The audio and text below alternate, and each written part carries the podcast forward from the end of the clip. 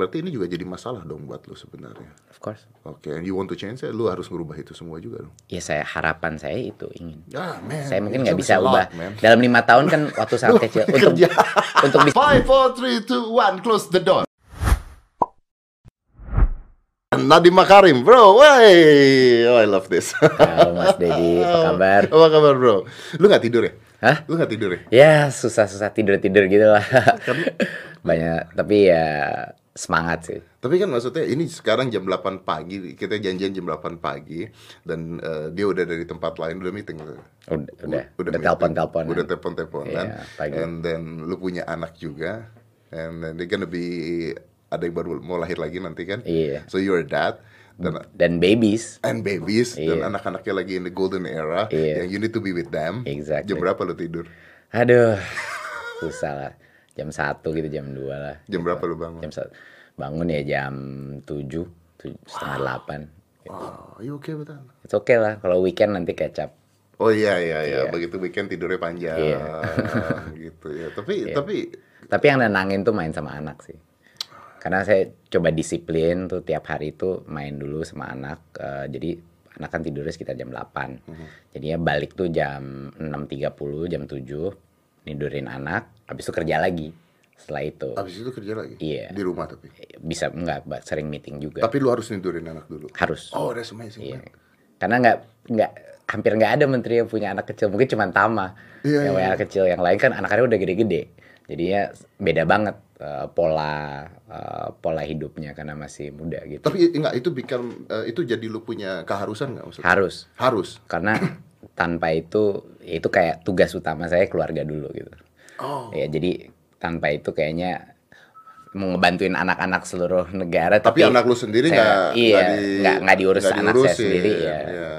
Lu tau nggak? Itu juga salah satu eh, gaya disiplin hidup gua bahwa gua harus ngantar anak gua ke sekolah. Hmm. Karena buat gua itu adalah momen. Karena kadang-kadang dia udah ketiduran dulu, tapi momen ngantar ke sekolah itu adalah kita bisa ngobrol, kita bisa apa, apa pun sibuk apa pun harus. Jadi kadang-kadang gua harus bangun pagi yang gua masih ngantuk banget untuk nganterin dia sekolah. Iya. Tapi I keep it that way. Pokoknya harus. Harus, karena itu ritual itulah yang buat anak itu menciptakan suatu perasaan aman. Karena kita konsisten gitu dan dia merasa aman bahwa di dalam rumah tangganya itu ada konsistensi, ada suatu hal yang nggak nggak bikin dia anxious.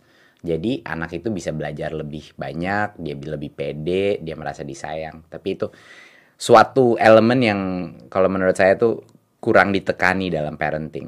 Psychological safety itu anak itu nomor satu dulu. Jadinya ritual-ritual itu penting gitu loh. Tapi kan orang biasanya mengatakan bahwa dia sibuk cari duit buat anaknya juga. Ya, susah ya. Tapi tergantung prioritasnya apa gitu.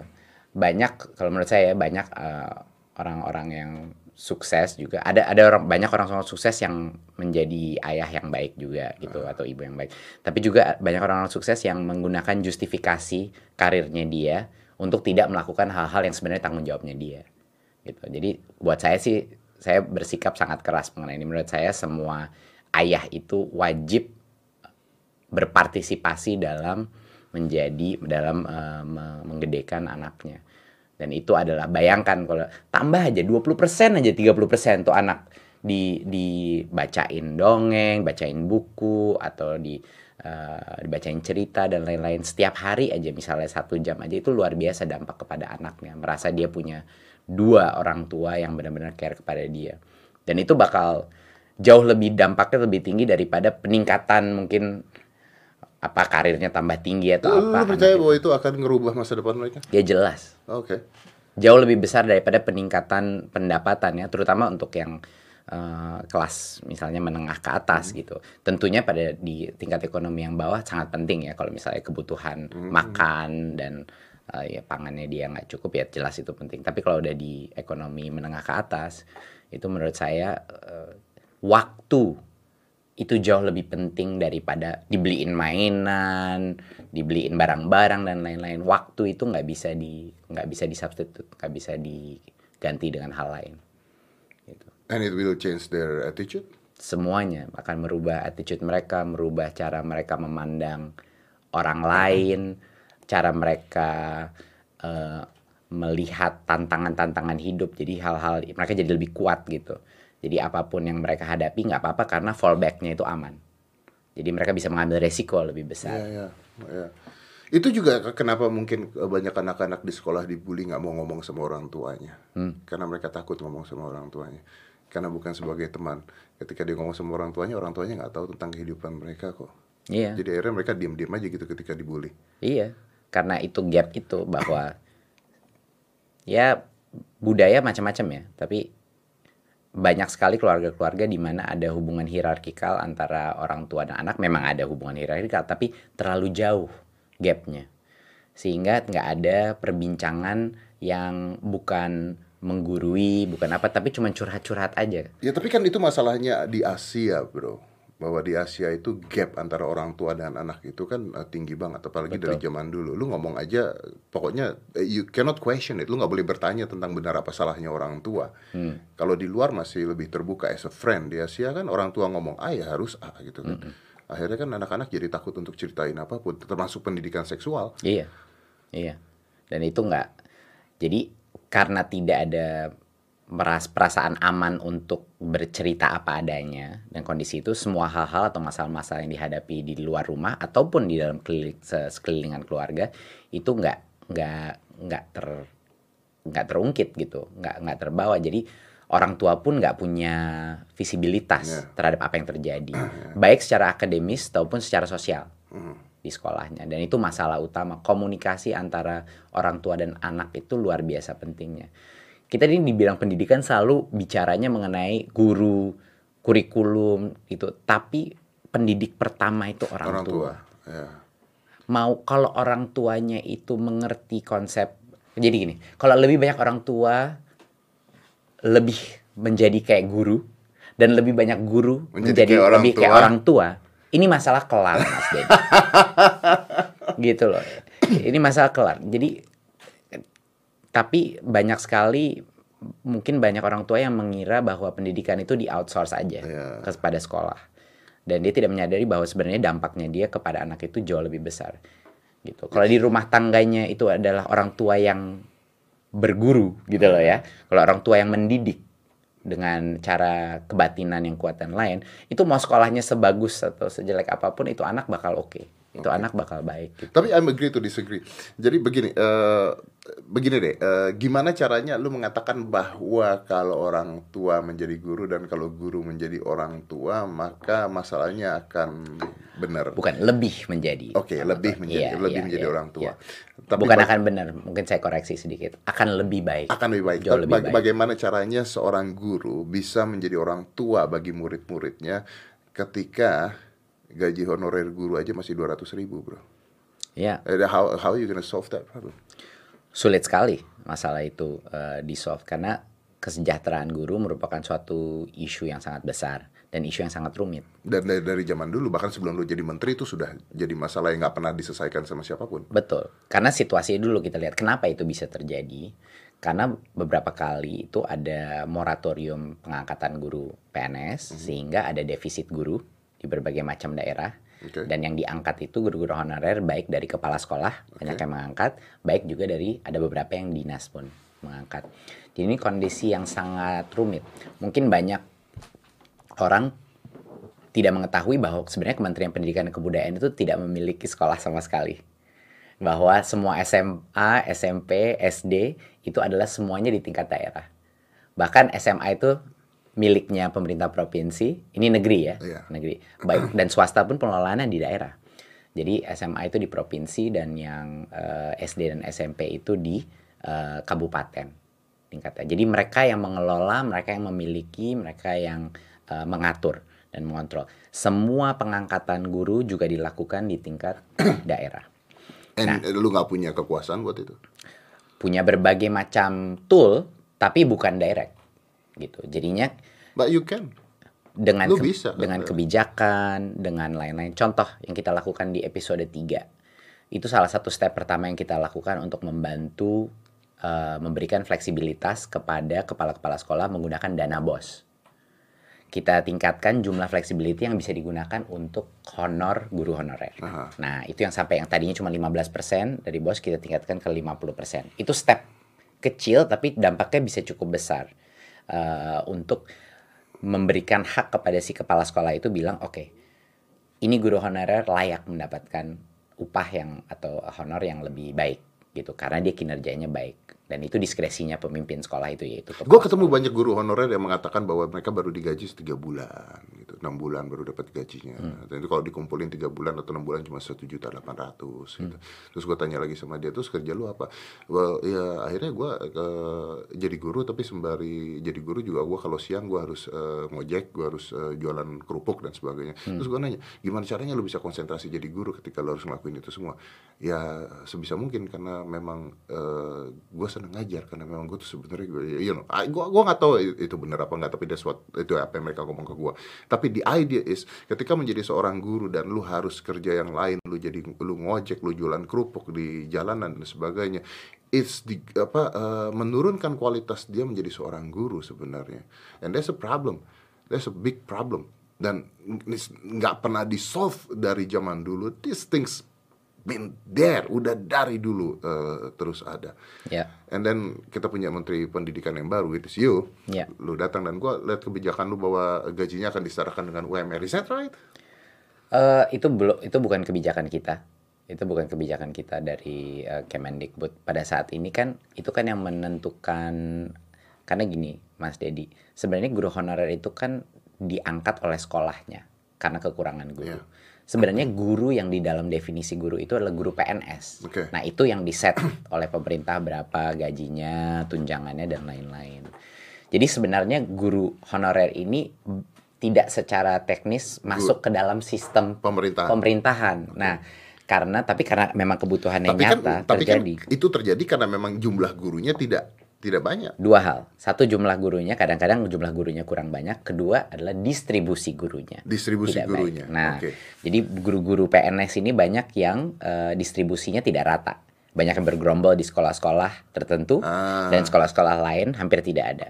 Oke. Okay. Ya, makanya waktu itu kita kita berikan fleksibilitas dana bos tadi itu adalah contoh kalau ada sekolah di mana cuma ada satu guru PNS-nya, yaitu mungkin kepala sekolahnya sisanya itu adalah guru honorer. Bayangin itu kepala sekolah cuma bisa menggunakan 15% dananya. Ya, untuk sisanya untuk buku-buku. Oh gimana? Tapi guru-guru honorernya yang ber, bekerja keras itu nggak nggak bisa mendapatkan yang lebih layak. Jadi kita mulai dari situ dulu.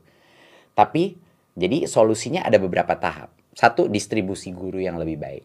Hmm. Sehingga tidak terus mengangkat guru-guru honorer okay. yang baru. Okay. Jadi distribusi yang PNS-nya itu harus lebih rata. Kalau jumlahnya ada. Kalau jumlahnya ada, Ya. ya. Tapi itu kan kita harus bekerja sama melalui dinas Betul. pendidikan untuk melakukan itu. Kedua adalah kita harus menjadikan kriteria yang menjadi guru itu harus dengan proses seleksi yang adil dan juga proses seleksi yang benar-benar dengan kriteria yang tepat. Artinya kriteria yang benar-benar berdampak positif kepada murid-muridnya. Dan ini yang sekarang kan kita ada berbagai macam uji kompetensi dan tes-tes gitu. Tapi yang kita lihat adalah yang menentukan guru itu baik apa tidak itu berawal dari purpose-nya dia atau kenapa dia mau menjadi guru. Itu. Seperti yang Mas Dedi bilang tadi yang guru honorer itu dia mau datang aja dia mau kerja bukan untuk uang dia kerja untuk karena memang passionnya dia ngajar Ngajar. dan kepengen meningkatkan kemampuan si murid-murid itu. Itu sebenarnya kuncinya guru baik itu jauh lebih penting daripada hal-hal seperti contohnya kompetensi yang sangat narrow dan lain-lain. Karena guru yang benar-benar hatinya adalah untuk murid, itu akan secara otomatis meningkatkan kemampuan dirinya karena dia mau yang terbaik untuk anaknya.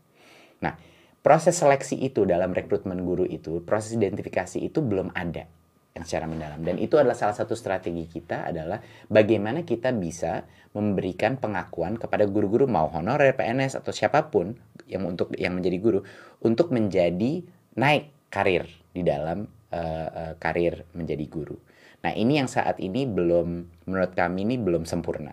Oke, dan, dan lu ngakuin bahwa itu belum sempurna ya? Belum. Oke. Jelas atau enggak saya nggak di sini kalau belum sempurna. Iya. ya lu gak ada kerjaan kalau udah sempurna, lu udah gak punya kerjaan. Artinya jumlah PNS akan jadi banyak dong, Bro. Eh, bukannya jadi banyak kalau menurut saya harus tepat dengan kebutuhan jumlah murid yang ada kalau jumlah murid yang ada dan kita membutuhkan guru ya itu adalah suatu berdasarkan supply dan demand. ya. Dan, dan, dan, dan, dan kapan lu bisa mengatakan bahwa eh, guru-guru honorer ini dan sebagainya akan terawat terus oleh negara kalau mereka memang benar-benar baik dan membangun bangsa? Kalau yang kuncinya adalah yang baik, yang Ya, benar-benar kita bicara. Ya, ya oke. itu kuncinya. Kalau menurut saya itu lima tahun ke depan ini akan ya salah satu prioritas kita adalah untuk memfokus memastikan guru apa pun mau dia PNS mau honorer yang terbaik harus mendapatkan apresiasi yang terbaik dari sisi karir, dari sisi eh, kelayakan pendapatan, dari sisi dia diberikan hak-hak lain seperti contohnya mengajarkan guru-guru lain. Nah ini jadi banyak orang mengira nih sekolah itu kayak oh kita kita kasih aja KPI KPI gitu sekolah lalu sebagai kementerian kita harus memonitor itu habis itu meningkatkan KPI. Tapi ini bukan pabrik baju. Oke. Ini pabrik manusia. Ya. Ini luar biasa rumitnya dan kompleksnya. Jadi sebenarnya effort terbesar adalah untuk bagaimana kita mendevelop pemimpin-pemimpin akademis, yaitu guru-guru, sampai ke kepala sekolah, sampai dengan pengawas, yang terbaik, manusia terbaik. Jadi ini lebih lebih seperti leadership development transformasi gitu. Ini lebih mengenai perubahan kultur di dalam sekolah-sekolah kita dan perubahan kultur itu harus terjadi dengan orang-orang yang mempunyai mindset yang baik yaitu orang-orang dewasanya. Kedua, memberikan kebebasan bagi orang-orang baik tadi untuk berkreasi dan berinovasi karena tanpa itu nggak ada perbaikan. Kalau dia tidak diberikan otonomi untuk bercoba. Tiga hal banyak tanya banyak coba banyak karya. Itu. Oke. itu metodologi yang harus di, selalu dilakukan dalam kelas. Dan yang ketiga adalah tentunya eh, harus organisasi itu bukan cuma diberikan kebebasan tapi diberikan resource resource untuk memperbaiki dirinya. Apakah itu melalui teknologi apakah itu dengan eh, transparansi budget yang baik biar uangnya itu nggak nggak nggak eh, transparan dan tidak di eh, apa disampingkan dengan berbagai macam oknum-oknum. Itu itu itu hal yang penting. Jadi ya kita harus pastikan orang-orangnya yang masuk terbaik menjadi pemimpin yang terbaik kita harus pastikan bahwa baik dari sisi kurikulum maupun kebijakan beban administrasi dan kebebasan mereka untuk menentukan bagaimana cara mengajar itu bisa dijamin. Ketiga dipastikan diberikan sumber daya yang cukup dan mumpuni. Dan yang terakhir adalah untuk memberikan mereka self learning tools dan transparansi dalam budget Oke, Ah, y- you know gini bro, Eh gue suka sama lu. Dari pertama kali gue ketemu lu, ingat gak sih gue pertama kali ketemu lu pada Iya. saat di hitam putih Hitam zaman dulu, Gojek pada saat itu, Iya. Ya, dan gue suka sama lu apalagi ketika Gojeknya jalan dan sebagainya. I think you brilliant and you smart, lu pinter, lu brilliant. Gue suka sama lu. Tapi eh, for this thing yang lu ngomongin barusan, eh, kita punya pemerintah udah ngasih omongan ini like become sugar talk dari zaman dulu. Ngomongin tentang ini, ngomongin tentang nasib guru, guru adalah pahlawan tanpa tanda jasa yang nggak pernah dikasih tanda jasa dan gajinya kurang gitu ya. Eh, Kenapa lu mikir lu bisa ngerubah ini semua? Why? Why do you think? mau banyak alasan Karena Mendi- mending karena kasih contoh ya di sugar talk ya sudah udah dari zaman dulu Iya, orang tapi begini. untuk eh, terus terang aja Mas Dedi, kita dalam 100 hari nggak ada sugar talknya sih, kita langsung action. Jadi bayangin kita dalam waktu 100 hari aja kita sudah sekitar 12 kebijakan I know. yang kita keluarkan. Ya gua tahu makanya gua serang lu nya nggak di sana, gua serang lu nya adalah di guru honorer. Karena paling rumit. Karena paling rumit. Betul, saya sa- dari dulu udah bilang, kalau saya nggak bisa janji sesuatu, saya nggak akan janji. Saya akan lakukan apa yang bisa saya lakukan sekarang. Tapi kalau ngomong-ngomong janji-janji kosong seperti waktu saya bilang itu sebagai guru-guru, saya nggak akan lakukan. Saya akan bilang kalau ini rumit, ini rumit. Jadi tunggu, sabar gitu. Yang masalah yang yang lebih rumit seperti itu. Karena memang decision makernya itu bukan hanya di kementerian, kementerian malah decision maker yang kecil harus dinas, anggaran, itu gimana uangnya dan pendanaannya dari mana dan lain-lain.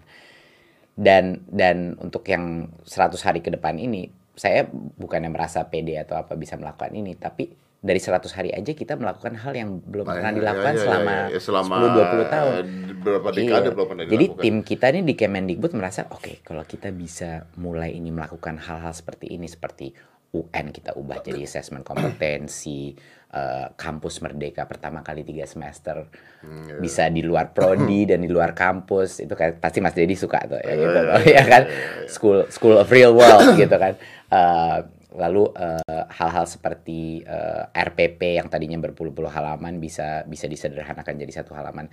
Ini walaupun kecil-kecil tapi bos Mas Dedi waktu itu yang bos itu dikirim langsung kepada sekolah itu dulu kepala sekolah sama guru-guru itu mereka tiga bulan empat bulan tuh harus nalangin tadi kan Mas Dedi bilang nggak dibayar Nggak tuh tiga bulan itu setiap awal tahun banyaknya kepala sekolah dan guru-guru harus kalau nggak minjem sama orang tua Ya, gadein motor ya. gadein macam-macam, pinjem-pinjem dari orang-orang nggak jelas di daerah. Itu semua terjadi cuman karena itu itu uang parkir dulu di di Pemprov baru keluar. Jadi ada berbagai macam alasan administratif di mana terjadi penundaan. Simple kayaknya, kecil. Kita transfer langsung ke sana tapi dampaknya besar gitu. Jadi kalau Mas Dedi tanya saya apakah saya PD untuk bisa membantu? Iya. Apakah PD bisa menyelesaikan dalam lima tahun? Belum tahu. Tunggu Apakah dulu. apakah mereka boleh menaruh harapan ke lo? Oh, Of course. Tentu itu tugas saya kok. oh, I like that. Ya. Memang bukan hanya tugas saya, tapi ya udah jelas di tim kita gi- gini aja. Prioritas nomor satu adalah murid-murid di Indonesia itu belajar. Itu. Gimana murid-murid kita bisa belajar kalau orang-orang dewasa di sekolah-sekolah itu kebutuhan minimnya aja tidak terpenuhi. Jadi secara Ya, memang itu logika aja nggak nggak masuk logika, Iya, betul. iya. Karena kita kan sangat user focus kepada murid-murid. Nah, tapi kan nggak sesimpel itu. Artinya kita harus benar-benar memberikan yang layak bagi yang patut menerima. Itu kuncinya. Gimana nih kita mengidentifikasi guru-guru penggerak? Guru-guru penggerak itu ada yang PNS, ada yang honorer. Ya. Banyak guru honorer lebih baik dari PNS, ada juga ada beberapa juga, guru honorer ya. yang nggak begitu baik, Ya. gitu. Jadi itu yang seleksi proses itu siapa yang patut uh, menjadi benar-benar guru dan di di diberikan upah yang lebih layak itu adalah challenge utama saya sekarang Ya. untuk mengidentifikasi. Kenapa kenapa uang-uang itu bisa parkir di Pemprov? Memang dari dulu kan itu caranya mentransfer dulu ke Pemprov.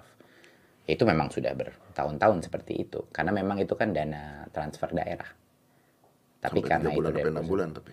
kadang-kadang bisa tertunda se- sebesar itu ya itu realita di di lapangan What is wrong? iya kasihan kasihan Dan tugas siapa buat ngerubah itu? kenapa Tugas siapa buat ngerubah itu? Tugas apa Tugasnya siapa buat ngerubah itu?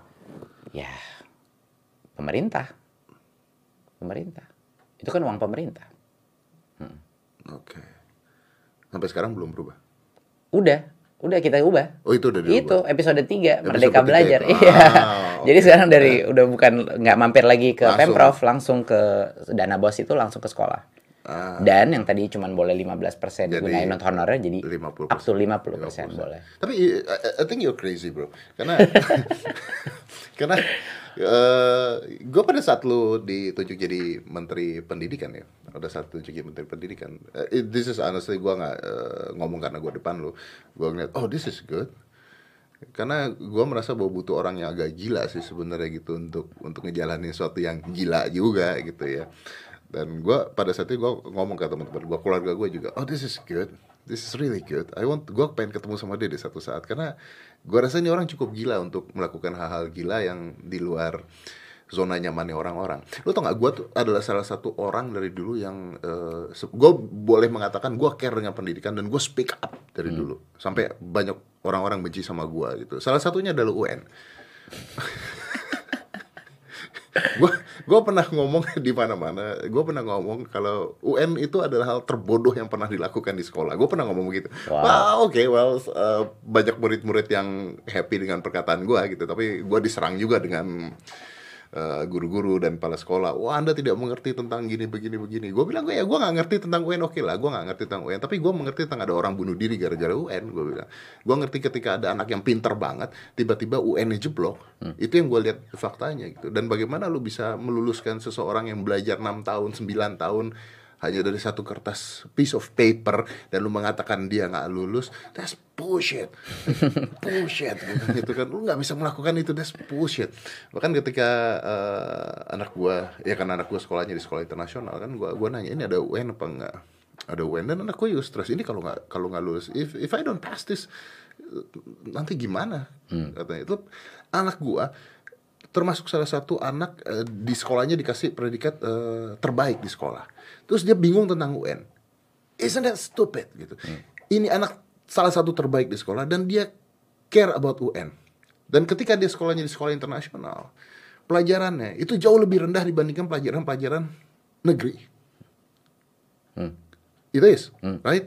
Ketika UN dan gue bilang eh, nggak lulus udah biarin aja nggak apa-apa. Ya gue keluar duit lebih banyak lagi tapi that's okay. You don't have to be stressed you don't have to be mikirin hal itu semua. Dan tiba-tiba lu ngeluarin kebijakan bahwa UN nggak ada lagi gitu. First gue mau terima kasih sama lu tentang hal itu karena Thank you. karena berarti gue nggak gila pada saat gue ngomong itu gitu, bahwa UN nggak penting itu gue nggak gila gitu ya. Yang kedua lu nggak dibenci sama beberapa orang seperti pada saat gue dibenci dulu ya nggak ada perubahan yang bisa terjadi tanpa resistensi. Jadi saya ngelihat kritik dan dan resistensi itu sebagai suatu hal yang positif. Satu itu jadiin kita lebih baik karena kita terpaksa mendengarkan apa eh, opini-opini uh, yang berbeda sama opini kita. Tapi kedua adalah itu artinya kita sedang melakukan suatu perbaikan. Jadi kalau nggak ada yang protes, itu artinya ya kita nggak melakukan nah, perbaikan ya, betul. gitu dong. Jadi harus harus ada feedback itu sangat penting untuk kita cara mengatakan oke okay, kita melakukan suatu perubahan. Dan itu yang penting kita terus berubah. Itu nggak mudah waktu kita mengganti. Itu bukan bukan dihilangkan total ya. UN itu diganti menjadi untuk klarifikasi assessment kompetensi. Tapi yang sifatnya yang nggak bisa diafalin ya, ya kan itu kan. Itu kuncinya ya, itu iya. kuncinya. Dan itu luar biasa. Jadi untuk saya bisa menjelaskan masyarakat malah yang udah ngerti karena mereka banyak yang menjadi korban Oh, iya. Daripada itu anak-anak yeah. banyak yang menjadi yeah. korban, masyarakat banyak yang menjadi korban, tapi malah banyak sekali instansi instansi-instansi tertentu betul, tidak mengerti. Gue juga diserangnya sama instansi bukan sama masyarakat. Keseringan argumennya itu adalah bahwa loh UN ini kan merupakan suatu tool untuk uh, menunjukkan kinerja itu anak dan dan itu adalah keadilan. Karena anak dari mana pun bisa ngambil UN yang sama dan kalau dia skornya tinggi itu dia bisa masuk misalnya SMP unggul SMA unggul. Mas Dedi yang terjadi itu malah kebalikannya. UN menjadi suatu tool yang menjadi bukan bukan karena intentional ya bukan karena sengaja yeah, tapi yeah. secara tidak langsung menjadi sangat diskriminatif yang luar biasa. Yeah, kenapa? kenapa saya jelasin karena metode konten UN yang begitu padat itu memaksa metode pembelajaran si murid itu menjadi hafalan. Itu fokusnya.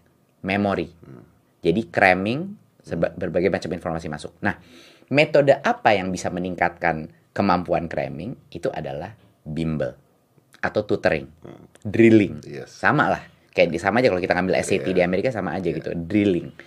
Drilling itu siapa yang mampu untuk bayar untuk anaknya mendapat bimbel atau tutoring keluarga yang lebih mampu. Lebih mampu.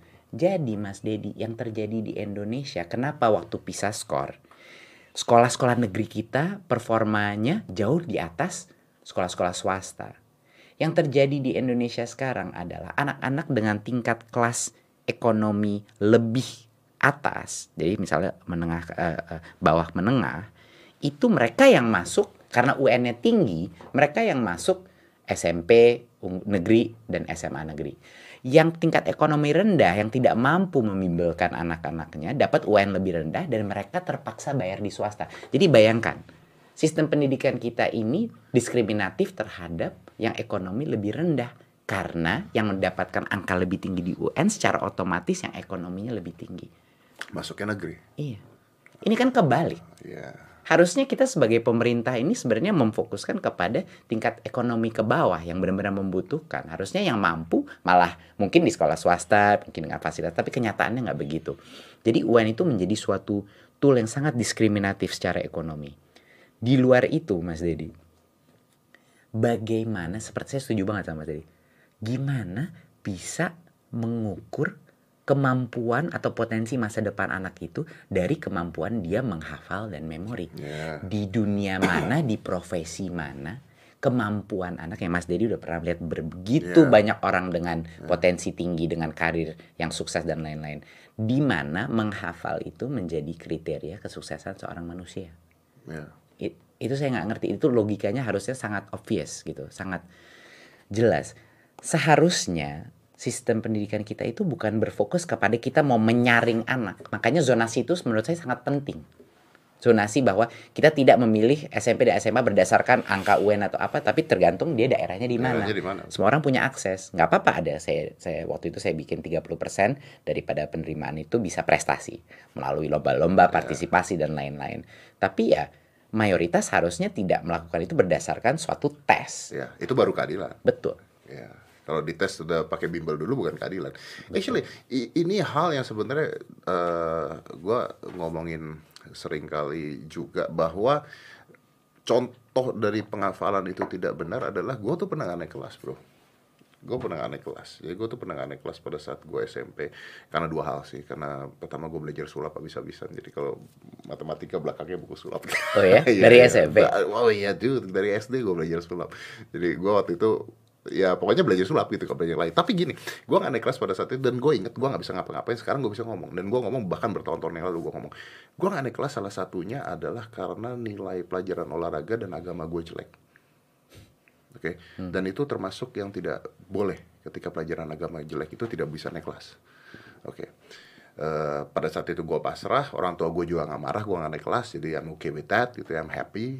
Eh, dan sekarang gue bersyukur gue nggak naik kelas, karena gue dapet cewek pada saat itu gue pacaran gara-gara gue naik kelas. kan gue jadi senior waktu itu. Tapi dia aja sih, gue mau nanya sama lu, Eh, kenapa gue nggak naik kelas pada saat itu? Ini pembelaan gue. Pertama, bagaimana agama gue pada saat itu dapatnya empat kalau nggak salah. Jadi gue nggak naik kelas. Bagaimana lu menilai agama seseorang dari hafalan? Itu yang pertama. Karena gue nggak naik kelas bukan karena gue tidak beragama. Gue tidak naik kelas karena gue lupa ini lahirnya kapan. Itu yang jadi masalah. Yang kedua, olahraga. Pada saat gue dulu, gue gak tahu sekarang ya. Pada saat gue dulu dites olahraga, itu ditesnya pakai kertas dan pertanyaan. Di mana gue ditanya berapa tinggi ring basket. What the fuck man? gue bukan Iya. mau jadi insinyur. gue belajar olahraga. Now, itu masih ada kah sekarang? Ya jelas masih ada. Itu jadi karena itu cara termudah untuk melakukan suatu tes. Jadi ya dalam dalam arti eh, objektivitas Nah, di bawah kedok objektivitas. Pembelajaran sebenarnya itu tersembunyi. Karena pembelajaran sebenarnya itu tidak bisa dites melalui suatu pilihan ganda. Kalau kita benar-benar ingin me- melihat kemampuan anak, itu kita harus dengan berbagai macam jalan. Kita harus mem- memastikan anak itu membuat suatu portfolio daripada kerjaan dari berbagai macam hal dari apakah itu esainya dia apakah itu karya seninya dia apakah itu suatu project yang dia lakukan gitu.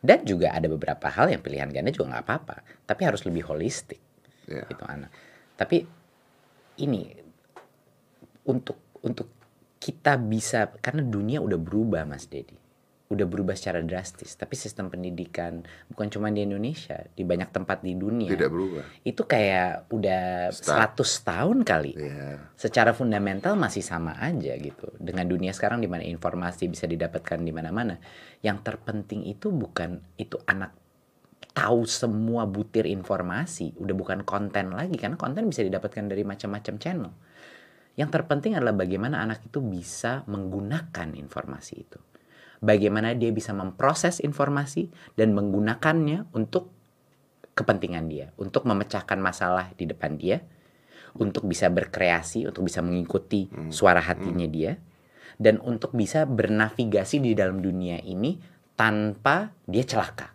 Ya.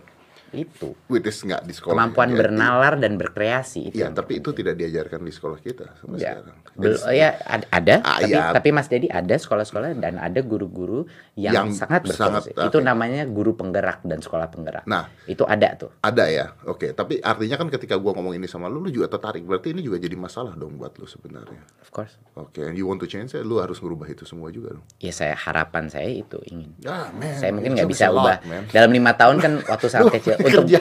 untuk bisa melakukan ini mungkin butuh kayak 15 tahun ya.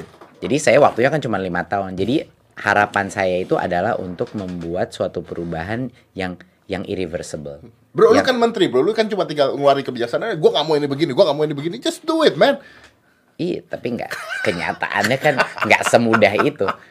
Saya keluarin kebijakan aja, saya, saya juga nggak naif, Mas Dedi. Saya ngeluarin kebijakan, apakah diikutin, apakah sampai turun ke bawah dan dirasakan oleh masyarakat, itu harus saya harus monitor semua tahap. Jadi bukan cuma ngeluarin kebijakan abis itu saya tinggalkan gitu. Jadi kuncinya di execution, kuncinya adalah di nanti di lapangan apakah benar-benar terjadi apa tidak, apakah dinas itu mendukung dan bekerja sama dengan kita, apakah kepala sekolah mendukung, pengawas mendukung. Ini merupakan suatu apa apa ya?